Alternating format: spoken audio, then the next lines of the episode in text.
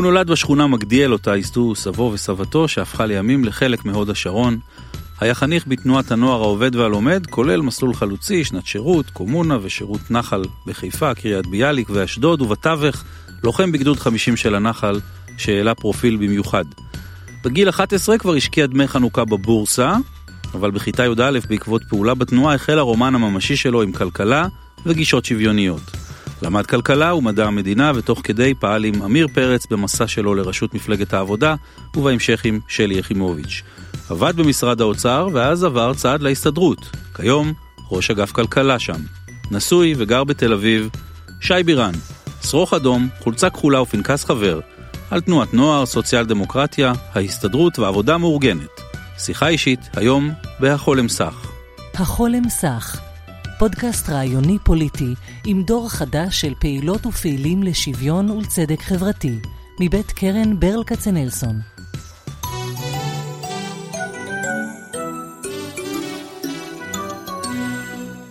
החולם סך פודקאסט חדש, אנחנו מקווים להכיר כאן דור חדש של פעילים, אנשי רוח ואומנות, עיתונאים, אנשי מדיה חברתית וארגוני עובדים כמו היום, חברים שמדברים ועושים צדק חברתי ושוויון, חלקם מוכרים יותר וחלקם פחות, הם שם דבר בדרך כלל כבר במיליה שלהם, אבל אנחנו רוצים להביא אותם אל קדמת הבמה ולהתוודע עליהם בשיחה אינטימית, אבל לא בקצב העכשווי המיידי, להקשיב לסיפור אישי וכיצד מתחברות התחנות בזמן עם הרעיונות ועם העשייה הייחודית שלהם. אנחנו לא נדבר על הבחירות שנושפות אה, ברקע, אנחנו לא נדבר על אה, עניינים שממש על סדר היום, אבל ננסה לייצר איזשהו שיח כן על רעיונות ופוליטיקה ומה שמאחורי הקלעים. את ההסכת עורכים ומפיקים נטע דנציגר ואביעד הומינר רוזנבלום, הטכנאית היא גיזם אוזדמיר ואני צביקה אהרן ביקו, והיום כאמור שי בירן, ראש אגף הכלכלה בהסתדרות, הסתדרות העובדים החדשה. שלום שי. שלום, תודה על ההזמנה.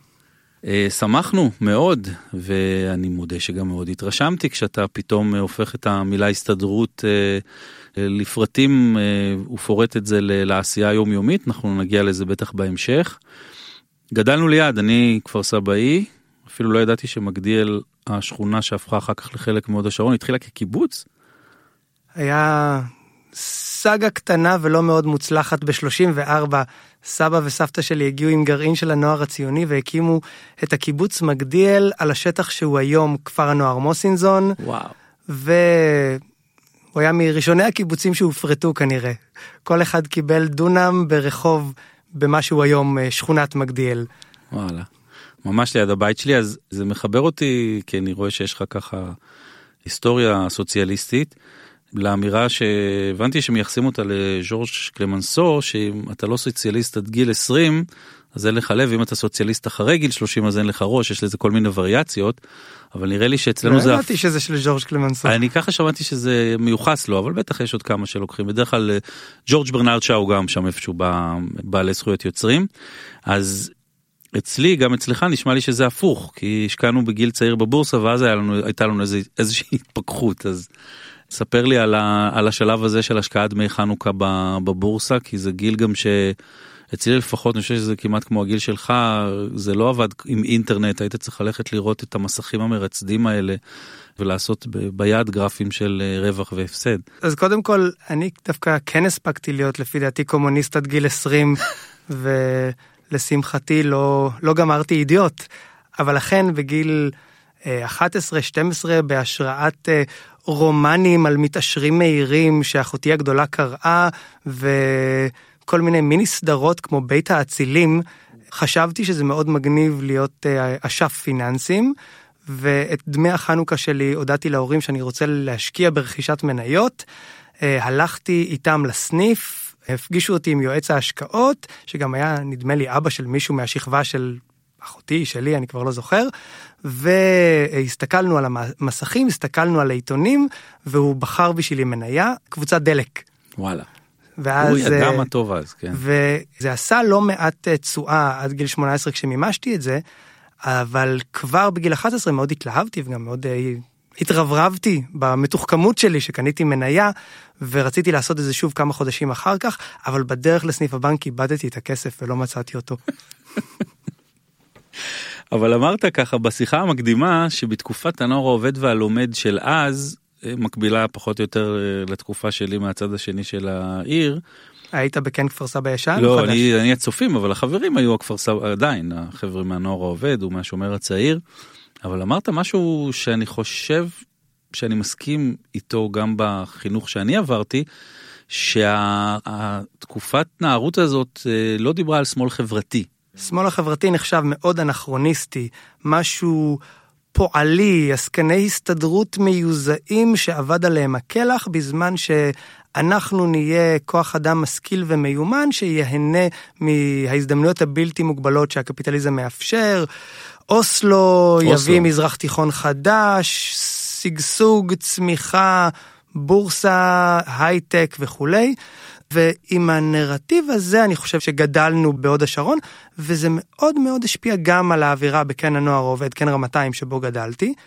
וכשבגיל 17 או 18 אני נחשפתי לתכנים שאפשר להגדיר אותם כיותר סוציאליסטים, הרגשתי יחסית חריג. זה נשמע כמו חוברות פורנו, נחשפתי לתכנים סוציאליסטיים, מה זה נחשפתי? איפה אתה מרגיש שאתה זה, אני שומע חושב, משהו שהוא מוזר. אני חושב שזה התחיל מפעולה בתנועה או בכיתה י' או בכיתה י"א, אני חושב שכיתה י"א, הרגשתי שלמדריך לא היו את התשובות, אבל היה לו דף מסרים עם כל מיני אמירות לגבי כלכלה, והלכתי, שאלתי את אבא שלי שאלות, הוא הפנה אותי לאיזה ספר שהיה מונח באחד מהמדפים בבית, ומשם פשוט הלכתי לספרייה, לא זוכר, נראה לי שזה כבר היה אז ביד לבנים בהוד השרון, ובדקתי מה יש על כלכלה, ופשוט לקחתי, לא יודע, אולי עשרה ספרים, עברתי, קראתי, והתחלתי להבין שזה מעניין אותי. מעניין אותי לדעת על כלכלה, אבל בשלב הזה הנרטיב הוא מאוד מאוד קלאסי.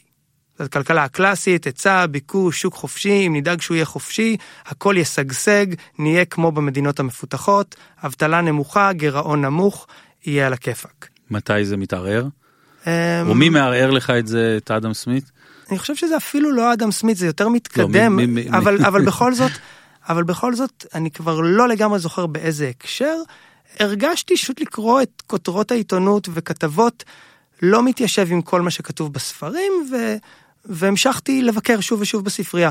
זאת עוד לא היה, לא היה אינטרנט, או לפחות לי לא הייתה תודעת אינטרנט, ועוד לא היה לי את היוזמה שהתפתחה בהמשך של ללכת לספריות יותר מתקדמות, אז מה שבמקרה יש בספרייה זה מה שעובדים איתו. והתחלתי למצוא ספרים על היסטוריה כלכלית, ויום אחד נתקלתי בספר של אסתר אלכסנדר, כוח השוויון בכלכלה, שמספר על uh, סיפור ההצלחה של הכלכלה הישראלית וסיפור השקר של הניאו-ליברליזם הישראלי.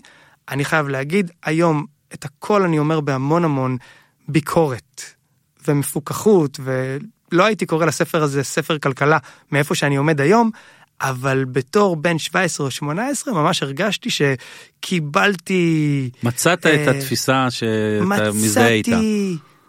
א', מצאתי משהו מגניב ופורץ דרך, שאחרים לא יודעים, ב', הוא שובר מוסכמות, וג', וואו, תראו כמה שהמדיניות הקיימת שגויה, וכמה שאפשר לעשות דברים אחרת. ומה אתה עושה עם זה אז? זה, זה מה זה תקופות שנות השירות הקומונה האזורים של ה... זה כיתה י"ב לקראת שנת שירות. כן. אני מנסה ל... לחלוק את זה עם אה, חניכים אחרים בקבוצה שלי. לא מאוד מעניין אותם, מנסה לחלוק את זה עם אה, מדריכת הגרעין שלי, היא אומרת מאוד מאוד מעניין, אולי נעביר על זה פעולה, אבל אתה רואה שזה לא תכנים שהיא מתחברת אליהם באופן אותנטי. מנסה לבנות על זה פעולה, כותב כמה מאמרים מאוד מאוד בוסריים, היום כאמור לא, לא הייתי לא מתגאה באף אחד מהם, לא, לא ראוי לפרסום, ואז מתחיל שנת שירות, ובשנת השירות מנסה להעביר פעולות לגרעין, מנסה להעביר פעולות לחניכים, אבל גם תוך כדי מרגיש אה, אי נוחות. זאת אי נוחות מכמות החורים שיש בתיאוריות שלי. משהו, המציאות ואף כל אחת מהתיאוריות שאני קורא בספרים, והמציאות לא מצליחה להסתדר, ואני עדיין בשלב נאיבי, אני מאמין שיש, אני אמור למצוא את התיאוריה שהיא נטולת חורים, שהיא קוהרנטית, שאיתה הכל מסתדר, מתיישב ואפילו ניתן לניבוי, וזה, וגם אם אני נשמע דוגמטי לאנשים שמדברים איתי, בפנים אני כל הזמן אכול ספקות, ולא מוצא את התיאוריה הזאת. ובשנת השירות הולך לספ... שנת השירות היא בחיפה, אני הולך לספריית פבזנר, מוצא דוחות ישנים של בנק ישראל, ולא מוצא את התיאוריה שמיישבת את הכל, וסוחב את המתח הזה. אל האוניברסיטה. בשלב הזה לש... לשירות יותר, קרבי, כן, ו... וממשיך ממשיך לצרוך ספרות כלכלית פופולרית. עדיין לא מודע לעולם המאמרים האקדמיים, עדיין לא מודע למאגרים של מאמרים אקדמיים. אגב, בסוגריים אני שואל, אתה חושב שהיום זה אה, מתקיים אחרת בגלל האינטרנט? כלומר, יש לנו דור ש... ועיתונות כלכלית שענפה הרבה יותר היום. אתה חושב שהיום מישהו בן דמותך, אנחנו יכולים לחנך אותו טוב יותר בהקשר הזה? אני נוטה לחשוב שהוא יהיה... או שהם פשוט לא מתעניינים. לא, לא, אני נוטה לחשוב שמי שמתעניין היום יכול הרבה יותר מהר לעשות את המסלול שלי לקח 6 או 7 שנים. אבל אני חושב שההבשלה הזאת היא חשובה, אי אפשר לעשות אותה בחודש, גם אם כל המקורות נמצאים אצלך, כי בכל זאת זאת שכבה על שכבה על שכבה וגם תחומי התמחות שונים, ובאיזשהו שלב גם מגיע השלב שכן צריך קצת רקע מתמטי, כדי להבין את המודלים המובילים, ואז בשביל זה אתה צריך ללמוד משהו ללמוד שקשה, קשה לאסוף כן. מוויקיפדיה. אז תקצר לי כדי שנגיע לארגוני העובדים, את דיברת על הדוגמטיות, היא משהו שמתערער או מתעצב בשנות האוניברסיטה? אז... והכלכלה, לימודי כלכלה, דוגמטיות לא, לא סחבה אצלי. זאת בעצם כל הזמן חיפשתי את המודל השלם והייתי מאוד ביקורתי כלפי כל מודל, בין שהוא בצד שלי, צד השמאל, או אה, בצד הימין, והסתובבתי מאוד מאוד מתוסכל מזה שהאנשים סביבי, כביכול במחנה שלי, הר... לא משדרים יותר מדי ספקות, ונמשכתי לכל יום עיון בגדה השמאלית או במקום אחר, שהכותרת שלו היא החלופה הסוציאל דמוקרטית, ומכולם יצאתי נורא מאוכזב. הייתה תחושה שיש אוסף של אנקדוטות ואין חלופה, ועד היום אני לא בטוח שהיא קיימת, ואני לפחות לא נתקלתי בה, אבל זה עזר לי להבין שאין מודל אחד שיענה על הכל. וזה... ועזר לך אולי גם להזדהות, אמרת את זה באחת מהשיחות המקדימות, גם להזדהות עם הרבה חלקים באזורים אחרים של המפה הפוליטית, או מקומות שמאפשרים לך להיות, אמרת שזה איזשהו רצף, זה לא באמת איזה שהם דיכוטומיות של בדיוק, ליברלי, ליברליזם כלכלי לעומת... אה, הפסקתי להאמין במחנות, והפסקתי לחפש את המודל הצודק, ואני חושב שזה אפשר לי גם להיות אדם יותר מאושר וגם להיות אדם יותר אפקטיבי בתחום הציבורי. אז אני קופץ ברשותך קפיצת אה, ראש אל משהו שאני מודה אה, הוא החור שלי בסוציאל דמוקרטיה והוא נושא העבודה המאורגנת אה, וארגוני עובדים. ואני מקדים ואומר לא בגלל הדימוי של חברת חשמל שכולם אוהבים להתעלות בו והקטע הידוע מזהו זה וכולי וכולי. הנחת העבודה שלי שארגון עובדים איכשהו בחלוף הזמן תמיד מייצר איזושהי התנוונות שפוגעת ביעילות ומעמידה את העובדים מעל, מעל הארגון. עכשיו יכול להיות שזו הנחה שגויה, אבל התחושה שלי גם מניסיון מאזורים שעבדתי בהם, שבסופו של דבר ארגון עובדים פוגע ביכולת לנהל ארגון כמו שצריך, אה, וזה לא משנה אם זה ארגון ממשלתי או ארגון עסקי. אולי הקביעויות זה משהו שהוא מאוד אה, חזק בהקשר של המדינה, אבל זה נכון גם על הרבה דברים אחרים. מצד שני, כמישהו שכן מחשיב את דעותיו באזורים האלה, וחש חוסר נוחות עם העמדה הזאת, אני מבין שאין כל כך אה, חלופה להתארגנויות, וגם רשת של המדינה זה משהו שהוא מאוד קשה לייצר, לאכוף, לממש.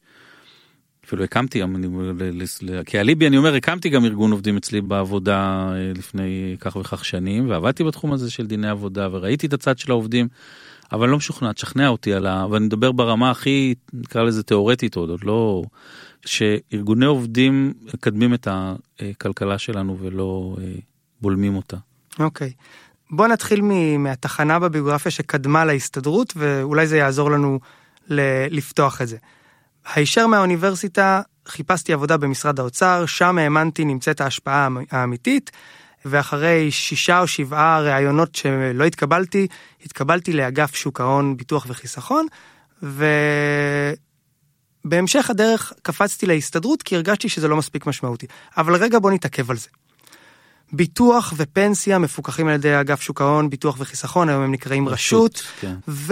ותשאל את השחקנים בשוק, הם הרבה פעמים יגידו, הרגולטור הזה הוא פשוט נזק נוראי, הורג את השוק. כל היום רגולציה, כל היום היפראקטיביות נוראית, לא חושב כמה זה עולה לשוק, לא חושב אם זה מספיק חשוב, ומפה לשם כולם ניזוקים. קל מאוד להאמין בנרטיב הזה, כי יש בו הרבה אמת. התחושה היא שיש כל כך הרבה רגולציה מיותרת, התחושה היא שהיד מאוד קלה על ההדק של רגולציה, וגם התחושה, לפחות שלי בתור עובד שם, הייתה שזה לא מספיק חשוב ומשמעותי ולא סתם עברתי להסתדרות. אבל בוא נדמיין עולם בלי רגולטור בכלל, כנראה שהוא היה עולם מאוד מאוד עגום, בגלל שהחלטות לגבי פנסיה, כשאתה מגלה את המחיר שלהן מאוחר מדי. אתה כבר גמלאי. בקיצור, אסור לסמוך רק על, ה- במקרה הזה, על האנשי החברות. אני רוצה להגיד האלה. יותר מזה. הכלים שהם חיוניים בשביל חברה מתפקדת, כמעט תמיד כוללים מתח מובנה. הרגולטור מקבל כוח, כי בלי הכוח הזה, הציבור יהיה חלש. אחרת רק חברות הביטוח יהיו חזקות. כשיש לו כוח, הוא גם מנצל אותו לרעה. המתח הזה הוא לא מתח שאתה יכול תמיד, בכל נקודה להגיד, הוא טוב. המצב טוב. הרבה פעמים אתה אומר, וואו, אני מרגיש שהרע מתחיל לגבור על הטוב.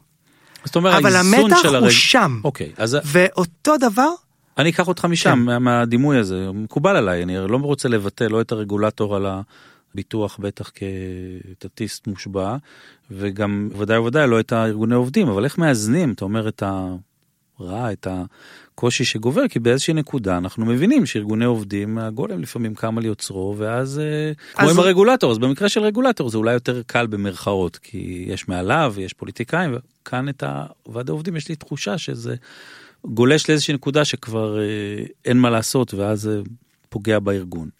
אז אני חושב שבמידה רבה, עבודה מאורגנת, ואני בכוונה לא אומר ועדי עובדים, ועוד רגע מהמם. תבין למה, עבודה מאורגנת היא, בדומה לדמוקרטיה, הכי פחות רעה שבשיטות. היא לא נטולת מגרעות, היא מאופיינת במתחים פנימיים מובנים, אבל עוד לא נמצא לה תחליף. ובאותו אופן שאנחנו מדברים על דמוקרטיה, גם לגבי עבודה מאורגנת, זה לא יעניין אף אחד בשלב שבו היא תתפקד מאוד רע.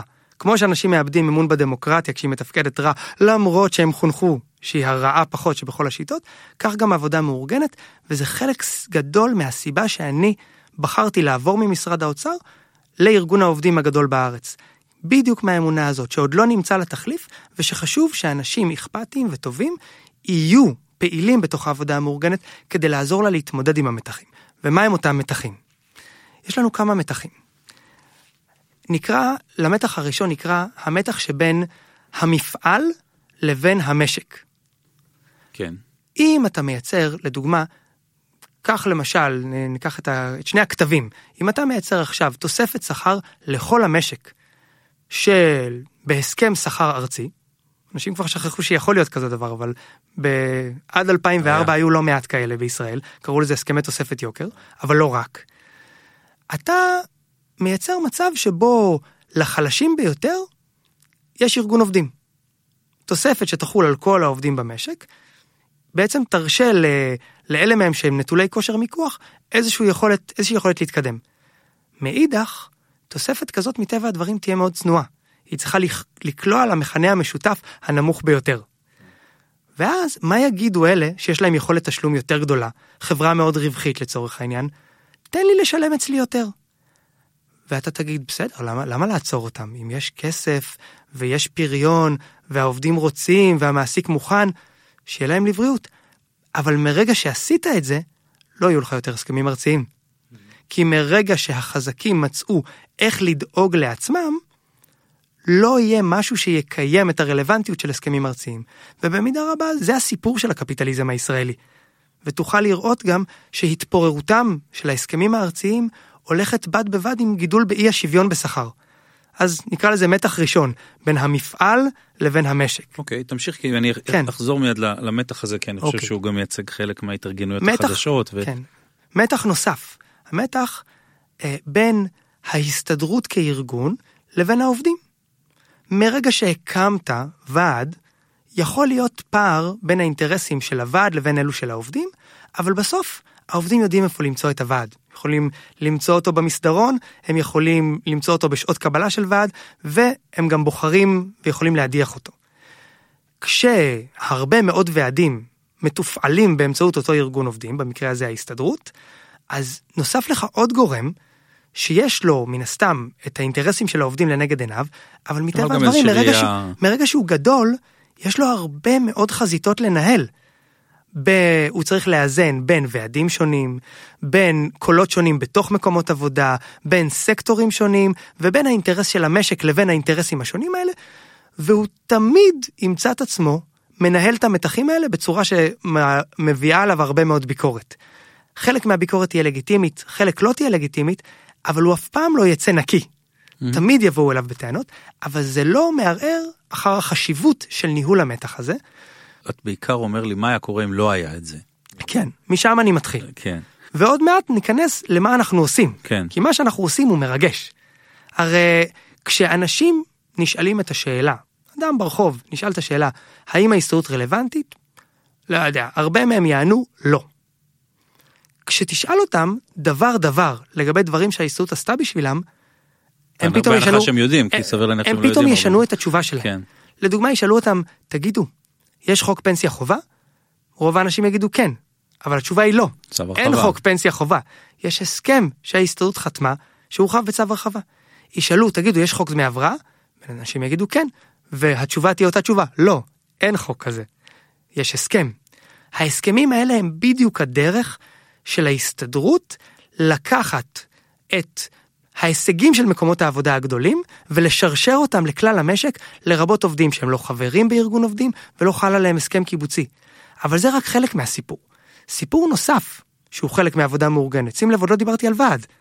לא היה ועד שחתם על הסכם פנסיה חובה, כן. היו הרבה מאוד ועדים שחתמו על פנסיה חובה במקום עבודה אחד ועוד אחד ועוד אחד ועוד אחד, ואז ארגון עובדים, ולא ועד, שחתם על הסכם שהפך את זה להיות הסטנדרט במשק. רק אתה חייב את למקום- המגדל הזה כדי להגיע גם לאיזשהו כוח ארצי. בדיוק, רק כשאתה יוצר איזשהו- את הסטנדרט, הסטנדרט הופך להיות מגדלור ואתה יכול לשרשר אותו ליתר המשק. אבל אני רוצה לקחת עוד כיוון.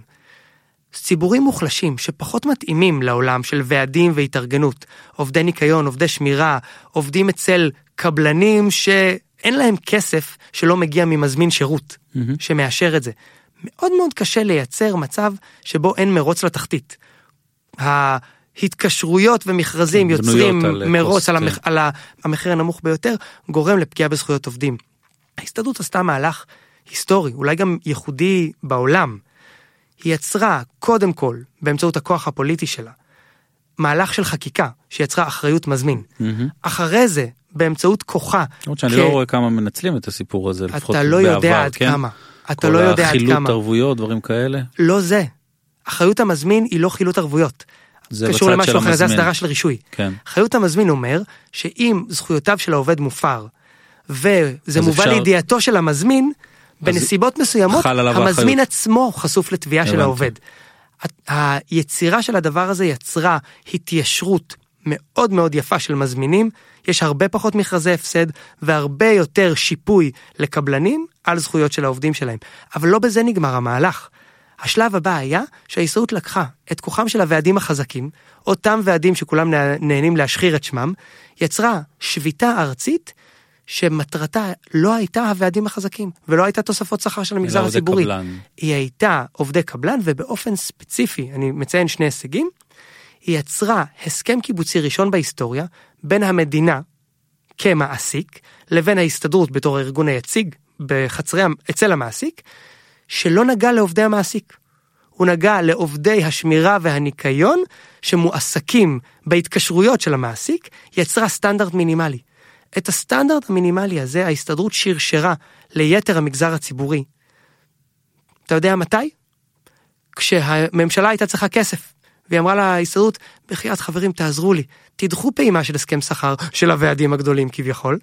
וההסתדרות אמרה, אני יודעת שברגע הזה צריך לגלות אחריות, אני אדחה את הפעימה, אבל, אבל- יש לי מחיר, והמחיר הזה הוא עזרה לחלשים. קרן השתלמות לסטודנטים בשירות המדינה, וצו שירחיב את, אותה, את אותו סטנדרט משופר לכל המגזר הציבורי. אוניברסיטאות, רשויות מקומיות. והצו הזה, שיצא בנובמבר 13, יצר מצב שבו רוב או חלק ניכר מהשוק כבר מיושר על סטנדרט יותר גבוה ואחריות מזמין. השלב הבא היה ליישר גם את הסקטור הפרטי וזה קרה בשני הסכמים, אחד בשמירה, אחד בניקיון ב-2014, ופתאום יצרת גידול של 20% בעלות מעביד. אצל העובדים החלשים ביותר, נטולי כושר המיקוח. אוקיי, זה עוד אלמנט בעבודה המאורגנת, ש, שמאוד מאוד קל להשמיץ. כן. דיברתי על הסכמים שחלים על המדינה כולה, עכשיו דיברתי על הסכמים שמטפלים בסקטור מוחלש ספציפי. זה כלי מדיניות מדהים שלמדינה הוא כמעט לא נמצא, הוא שייך לעבודה המאורגנת. ואז אתה עובר לוועדים. מקומות שבהם אפשר לארגן מקום עבודה ולייצר בו הסכם קיבוצי. ודיברת על קללת הקביעות ועל הפגיעה ביעילות, אבל פר, אין היום שום הוכחה אמפירית לכך שעסקים מאורגנים בסקטור הפרטי הם פחות יעילים מעסקים לא מאורגנים. ואתה יכול לראות שחברות מאוד מאוד הפרטי רווחיות. הדגשת. התחלתי מהפרטי, כי לגבי הסקטור הציבורי יש קושי במדידה, נקודה. כשאתה בא להגיד, לשאול את השאלה מהו הפריון בסקטור הפרטי, אתה מחלק את התוצר, במקום מסוים אתה מחלק את התוצר בשעות העבודה או בעובדים. כשאתה רוצה לעשות את זה בסקטור הציבורי, אתה יודע במה אתה נתקל? בחישוב מעגלי. כי כן, בכלל. כשרוצים לדעת מהו התוצר של הסקטור הציבורי, לא יודעים לעשות את זה, אז משתמשים בתור משתנה עזר בשכר של העובדים. קשה מאוד למדוד משהו שהוא ציבורי. אז אני עדיין בשלב של המגזר הפרטי. זאת אומרת, התחלתי מהסכמים כלליים, עברתי להסכמים ענפיים של סקטורים מוחלשים, שהם הישג מאוד מאוד גדול של יו"ר ההסתדרות. עברתי למקומות עבודה בסקטור הפרטי שמתאגדים בהמוניהם ומשיגים הסכמים מאוד יפים והרבה מאוד תחושה של הוגנות והרבה מאוד תיקון של עיוותים ולמיטב ידיעתי טרם פגעו ביעילות של אף חברה או סקטור, כולל סקטורים מאוד תחרותיים שהתארגנו כמעט בן לילה. והדבר הזה, יש שיגידו שהוא אפילו או תולדה או חלק מאותה מגמה שהביאה את מחאת 2011. כן. זה כלי דמוקרטי ראשון במעלה לאנשים להפוך את מקום העבודה שלהם למקום טוב יותר והוגן יותר, ולהפוך את חלוקת העוגה לצודקת יותר. ואתה יכול לקחת את סקטור הסלולר וסקטור הביטוח כדוגמאות, לסקטורים שהיו כולם. לחלוטין לא מאורגנים, והפכו להיות כמעט מאורגנים לגמרי, במקרה של סלולר מאורגנים לגמרי, ואתה חייב להגיד, אם ההסתדרות לא רלוונטית, אז איך זה שכמעט כל ההתאגדויות החדשות הן בהסתדרות, כמעט כל ההסכמים החדשים שנחתמים הם בהסתדרות, ואיך יש כל כך הרבה התאגדות במשק הישראלי, להבדיל ממשקים מפותחים אחרים. אז בוא אני אנסה להתמודד. התאגדות חדשה, אני כן. כן אני אנסה להתמודד עם זה.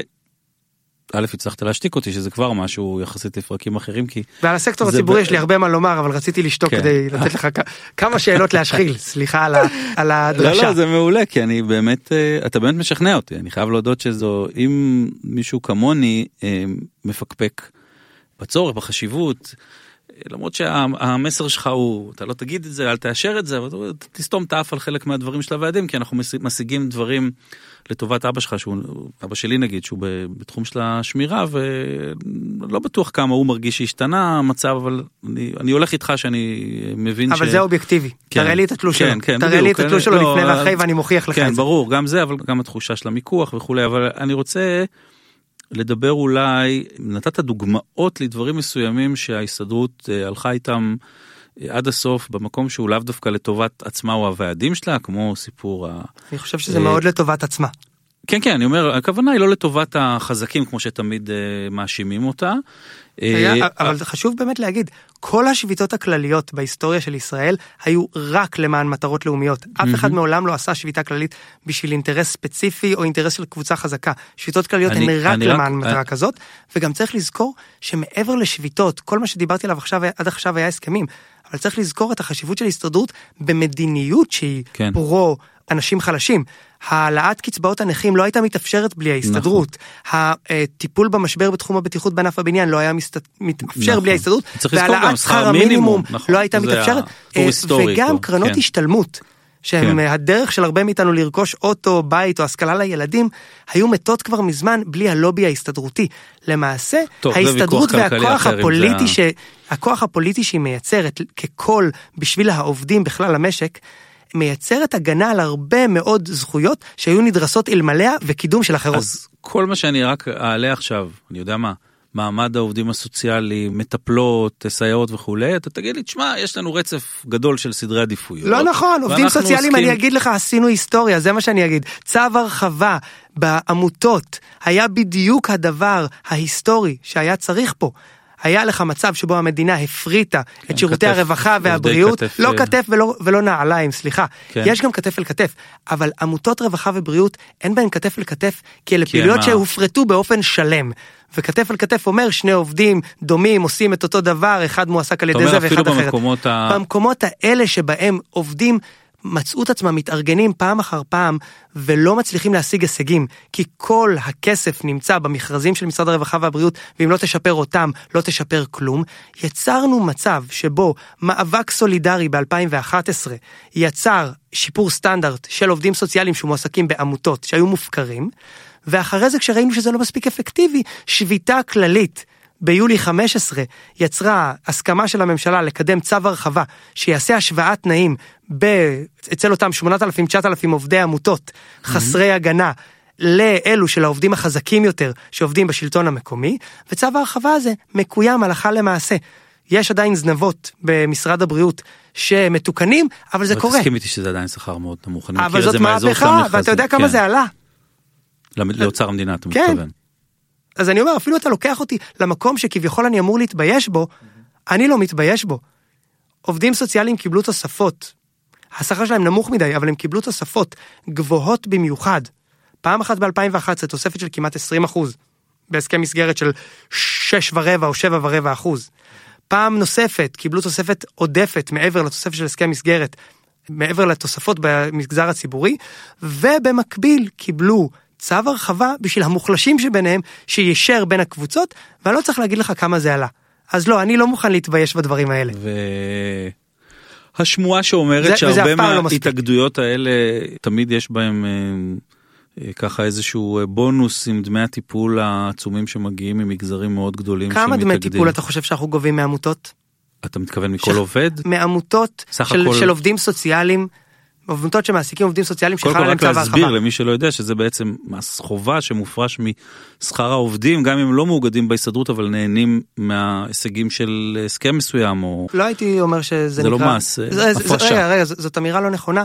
אה, עובדים שנהנים מכיסוי קיבוצי, זאת אומרת הם כן מהמם. מאוגדים, אפשר. לומר, אבל הם לא חברים בהסתדרות, נכון, לא חברים משלמים דמי טיפול, ויש לכך הצדקה כלכלית מאוד מאוד אינטואיטיבית, מהמם. מניעת הפרי ריידר. נכון. אם אתה יוצר התארגנות, ההתארגנות משיגה הסכם, ההסכם חל אתה- על כולם, על זה אני לא חולק אבל מאותו רגע השאלה- אין לעובד השאלה כמה, תמריץ. כמה התמריץ של ההסתדרות להתעסק באזורים כאלה שפשוט כמו נגיד השמירה או דברים כאלה שזה באמת תחומים עצומים בהיקף המועסקים אני לא יודע יכול להיות שתגיד לי תשמע זה בסוף אה, כסף קטן ואגב גם אם זה תמריץ להסתדרות להתעסק בזה והיא עושה טוב בהקשר יכול להיות שזה בסדר רק אני חושב שגביית דמי הטיפול בענפים כאלה עוזרת לממן את הטיפול בהם, ובמקביל, אני חושב שהשנים האחרונות מראות שההסתדרות עובדת בשבילם מאוד מאוד קשה ומוציאה הרבה כסף. מהמם. כשאתה יוצא לשביתה כללית על הזכויות שלהם, משפר את הסטנדרט פעם אחר פעם, פעם אחת בסקטור הציבורי, אחרי זה בסקטור הפרטי, אחרי זה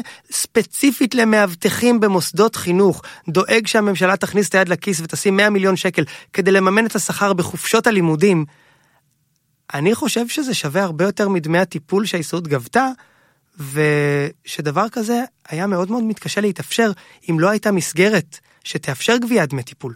אז בוא נדבר בעצם על הפריחה אפשר להגיד תור זהב כזה גם אם הדימוי הציבורי הוא שונה עלייה מטאורית יחסית לעולם המערבי בהתאגדות בארץ אתה חושב שלמחאה החברתית יש אה, יד ורגל בעניין? אני חושב שקשה לי לגזור פה סיבה ומסובב, אבל המחאה החברתית או גרמה לזה, או שאותה תחושה של כן. חוסר צדק גרמה לשניהם.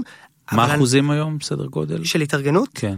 אני חושב שבערך שליש מכוח העבודה בישראל מאורגן, והצפי לפי מחקרים היה שאנחנו נהיה בדרך ל-19 אחוז. זאת אומרת, מה-90 אחוז ההיסטורי של שיא העבודה המאורגנת, כשקופת, כשחברות בקופת היה, חולים כן. הייתה זהה לחברות בהסתדרות, ועד לצניחה הדרמטית של 95, שנדמה לי ירד, הורידה ל-46 אחוז, ובהמשך ירידה, ירידה, ירידה, הי, כולם היו בטוחים שהעבודה המאורגנת רק תרד, ותתייצב מתישהו סביב הסקטור הציבורי, ולא רק שהיא לא יורדת, היא עולה. עכשיו, היא לא עולה בעשרות אחוזים. כי כמו שאמרתי, היום ההתארגנות היא בכל מקום עבודה ומקום עבודה בנפרד. אז קשה מאוד להביא פתאום 300 אלף מתארגנים חדשים שיחתמו על הסכמים קיבוציים. אבל אנחנו עובדים בשני הממדים, ויוצרים כיסוי הולך ומתרחב של הסכמים קיבוציים, והרבה מאוד מקומות עבודה מתארגנים, רובם בהסתדרות, והדבר הזה הוא משהו שמחייב גם את ההסתדרות לפתח ארסנל חדש. כן. גם, התארגנות- גם צריך להגיד התחרות, צריך לומר, כוח לעובדים, עוד ארגונים, גם אם קטנים יותר, בסוף אה, הת- נתנו איזה התחרות- בעיטה מסוימת התחרות להסתדרות, לא? בהחלט תורמת, לפעמים לטובה, לפעמים לרעה, אבל היא בהחלט תורמת למוטיבציה ולחלופות של עובדים, אבל אני חושב שבתחום ארגוני עובדים תחרות היא, היא דבר מורכב. זה לא כמו אה, צרכנות מסוג אחר, כי כוחנו באחדותנו, וכשאחדותנו מופרת נחלש גם כוחנו, אז יש איזשהו trade off מורכב, אבל עדיין יש תרומה גם לתחרות בנושא הזה, ויש הרבה מאוד הישגים, וההישגים האלה מייצרים גם הרבה מאוד אתגרים פנימיים. כי כך לדוגמה, התארגנו המון המון חברות סלולר והרבה מאוד חברות פיננסים שלא היו מאורגנות. אתה פתאום מגיע למקומות שקיימים כבר 20 או 30 שנה, והם פיתחו הרבה מאוד זכויות שלא לגמרי יודעות לדבר עם ההסכמים הקיבוציים הקלאסיים. כך לדוגמה, נציגי מכירה ב-AIG יכולים להגיע לפעמים לשכר מאוד גבוה, 13, 14, עמלות. 15 ברוטו, על בסיס תמריצים, מהמם. ושכר הבסיס שלהם הוא לפעמים פחות מהמינימום. עכשיו, עובד כזה שאתה מביא לו תוספת שכר של 3%, שזה נחשב יפה בסביבת האינפלציה חסר הנוכחית, משמעות בשכר בסיס כזה. הוא רוצה להתפטר. מה, מה זה משנה בכלל? מה זה נותן לו? 3% מי ישמע? מה זה? זה כסף? זה... למה זה קשור?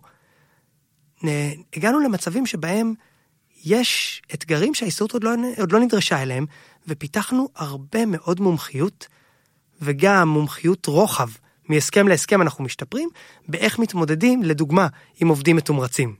איך מייצרים רלוונטיות של ההסכם הקיבוצי עבורם.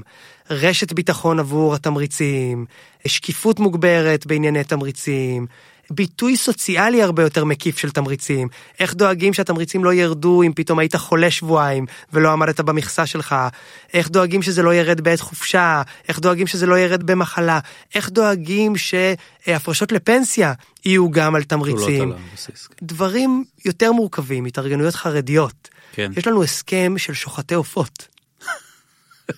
עכשיו, מה, שזה מה שונה קורה? משוחטים של כן. של חיות אחרות. כן, כן, שוחטי בקר ושוחטי כן, עופות זה כן. עולמות שונים, עד כמה שזה יישמע לך, כן. ת- אתה יכול לגחך, אבל לא, זה- לא, אבל זאת זה האמת. מרתק. אז דברים מורכבים, ש- שבהתחלה, התעסקתם פעם בעצם. גם לא התעסקנו, אבל גם קשה לך לעכל את זה בהתחלה.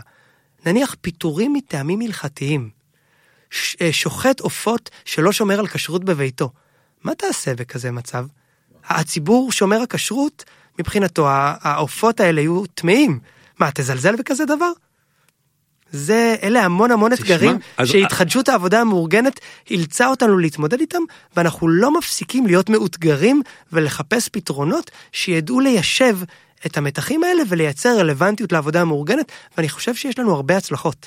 אז רק שאני אבין את היומיום שלך או את הלילות שלך, זה, זה אתה זה שככה טרוט עיניים על כוסות קפה בתוך אה, הלילות אה, למנוע שביתות וכאלה, או שהיומיום הוא אה, הרבה יותר, נקרא לזה משעמם עם כתיבה של הסכמים, חיפוש שווקים חדשים לצורך העניין. היומיום שלי הוא בית משוגעים. האגף שהקמתי מורכב ממחלקה שמטפלת בהסכמים קיבוציים, והם תובעים בעבודה. מחלקה נוספת מטפלת באכיפה, במובן הרחב שלה.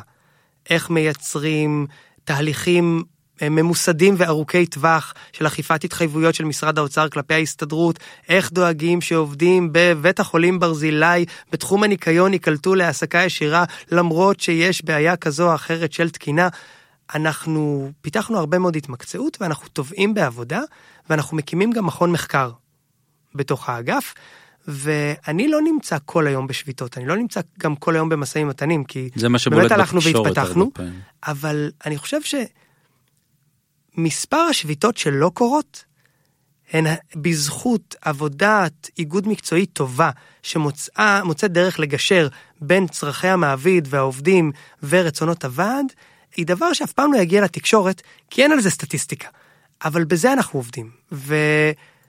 ואני לא כל היום בשביתות, אבל אני כמעט כל היום במשא ומתן, כזה מה, או אחר. הזמן שלנו, מה זה נגמר מזמן, אבל אני חייב עוד שניים שלושה דברים, אז נעשה אותם קצר. קודם כל, מי שרוצה לשמוע עוד אני ממליץ לו מאוד לשמוע את הפודקאסט ערך אה, מוסף ששני בוגרי אוצר ראיינו אותך באחד הפרקים ושם באמת גם סיפרת בגילוי לב על, ה, על הפער שאתה חושב שהוא לא כל כך גדול בפועל, חוזר לתחילת השיחה שלנו היום, רצף כזה, כשאתה יושב מול מעסיקים, מול משרד האוצר, נוצרות גם איזה שהם חברויות, אמון מסוים, אז אתה מרגיש היום בעמדה שלך שה...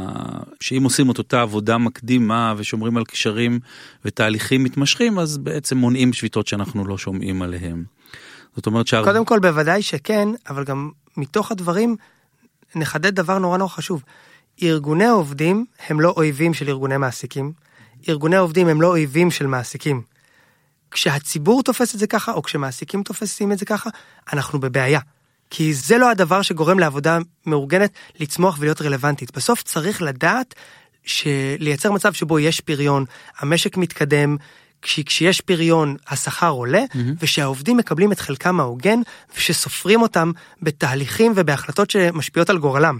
אוקיי, okay, אז פה אנחנו כבר, אתה יודע, נכנסים לאזורים של אה, מאבקים מעמדיים ומה זה חלק הוגן, אבל אני, אני רציתי לשאול כאן את השאלה אם זה לא באמת ואולי עכשיו הוכחת את זה, זה לא שוחק במובן מסוים. הקרבה הזאת, המשא ומתן המתמשך, אם זה לא שוחק את אותן עמדות עקרוניות פרו-עובדים, אפילו יש דוגמה מצחיקה כזאת, שהיית באיזשהו דיון עם, עם אחותך, שהיא חברת הכנסת מיכל בירן, שרצתה בעמדה אולי קיצונית יותר לתת, לא משנה איזה דוגמה ספציפית, אבל אה, לתת קביעות לאותם אה, נציגי שגרירויות, עמים, עובדים מקומיים.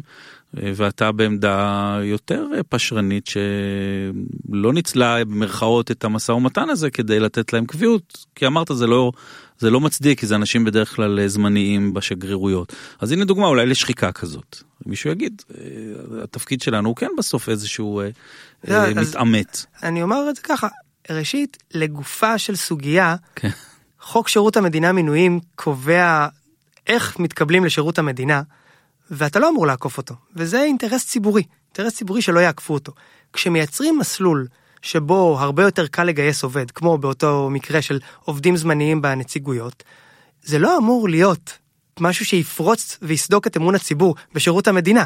ולכן יצרנו הסדר מאוזן, שבו לעובדים האלה יש זכויות, והם גם יכולים לגשת אחרי ותק מסוים למכרזים בין משרדיים ולהתקבל בתקן, להיות עובדי מדינה, אבל מי שמגיע במסלול הזה שעוקף את דרך המלך של שירות המדינה, לא צריך להיות עובד מדינה לכל דבר, אלא עובד מדינה בהקשרים מסוימים. קיצור, התמסדת, רגע, רגע, שזה בסדר, וזה, אבל... ו- ואני חושב שזה היה גם האינטרס הציבורי, mm-hmm. וגם מה שהעובדים רצו. יש להם ועד, והוועד שלהם יחד איתנו, בהידברות עם העובדים, קיבל את ההסכמה הזאת והגענו יחד לוועדה. וזה המפתח. כשיש לך ועדי עובדים וכשאתה בקשר עם עובדים, הם לא מאפשרים לך להיות מעסיקיסט. אפילו אם המעסיק הוא זה שאתה פוגש יותר, כשהעובדים והוועד שם ונוכחים והם מרגישים שאתה הלכת יותר מדי לכיוון של המעסיק, הם מדברים איתך, ואתה מנהל איתם שיח. והמתח הזה תמיד קיים, ואתה בסוף מייצג אותם.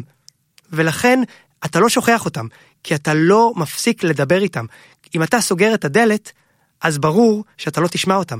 אז אל תסגור את הדלת, ואני חושב שזה מה שאנחנו עושים. תשמע שעשית באמת עבודת קודש בהקשר של אה, לייצג את ההסתדרות ואת העשייה שלכם. באמת, אני אומר לך, אני ספקן לא קטן בנושאים האלה, אבל יותר מזה, יש לי תחושה שאתה במשרד חלומותיך. אתה כל כך נלהב מהדברים וצודק? זה מדויק לגמרי, כן. כן, אז קודם כל אשריך. ואני אה, רק רוצה לשאול אותך שאלה אחת לסיום לפני האסוציאציות. אם עכשיו היית יכול לטפל באיזשהו מגזר, והיה לך את כל הקארט בלאנש כזה מטעם, לא יודע, שר האוצר או מעסיקים, איזה פינה חשוכה היית עכשיו ככה מרומם מבחינת זכויות ומעמד ושכר אולי, לא יודע, אני מניח.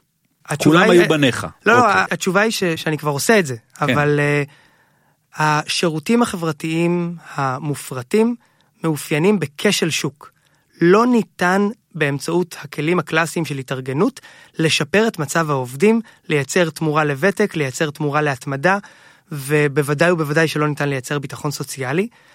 אני, אחד החלומות שלי זה לייצר פלטפורמה שתאפשר לנהל משא ומתן שבו המדינה לא מתחבאת מאחורי, מה זה לא ענייני, אני לא המעסיק, אלא לייצר שולחן מאוד מאוד מחייב וענייני, שיסדיר את התנאים של העובדים האלה, בין שהם עובדים בהוסטלים שעובדים לפי מכרזים של משרד הבריאות, או עובדים בבתי אבות שעובדים לפי מכרזים של משרד הבריאות, או עובדים אצל מטופלים סיעודיים.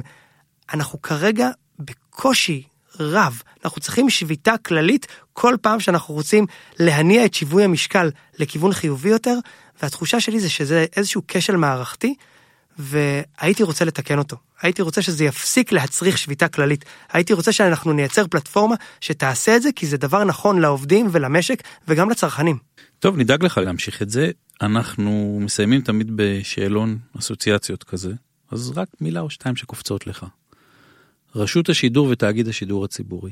עבורי, אני טיפלתי בשניהם, אז uh, אני אגיד חצר אחורית. זאת האסוציאציה, חצר אחורית.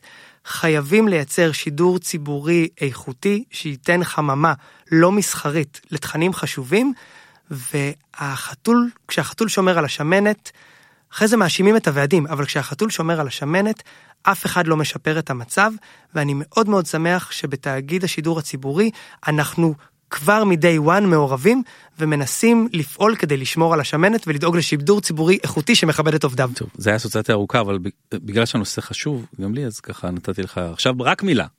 שעות פנאי. אין לי. יאיר לפיד. אוי. איפה התוכן? לא, כן, איפה אוקיי. התוכן? אלון חסן. מגבלות הכוח או הכוח משחית? מגבלות הכוח. בית הדין הארצי לעבודה. בית הדין לעבודה. מוסד חשוב. חוף מבטחים. שיטת המכרזים. איזו? לעבודה הכוונה. אלה... מכרזי כוח אדם? כן, מכרזי... כן. קשיח נחוץ? או מסורבל אך נחוץ? משה כחלון. האמת? הוא אחלה. הרבה יותר טוב ממה שדמיינתי והרבה יותר טוב משרי אוצר אחרים שיצא לי להיחשף אליהם. אני מאוד מעריך אותו. עיתון דה מרקר. טלי חירותי. חוק ראשון לאמץ מסקנדינביה. או מכל מדינה אחרת. אה, מעורבות איגודים מקצועיים בביטוח אבטלה. טוב, על זה אני צריך לדבר בפעם הבאה. את ההסכת עורכים ומפיקים נטע דנציגר ואביעד הומינר רוזנבלום, הטכנאית היא גיזם אוזדמיר, אני צביקה ביקו הרן. אנחנו שי נוהגים לסיים את uh, הפודקאסט שלנו, את ההסכת, בהסבר על החולם סך, שזה קטע מהשיר של שאול צ'רניחובסקי. אז נשמע ביצוע יפהפה של תמר שאוקי, שמצאתי במקרה, עברית וערבית, עם כינור ותרגום של השיר בלל בדרנה, גיטרה עודד רון. תודה רבה, מאוד מאוד נהניתי. תודה רבה, גם אני, תודה שהזמנתם אותי. להשתמע. על החלומות זו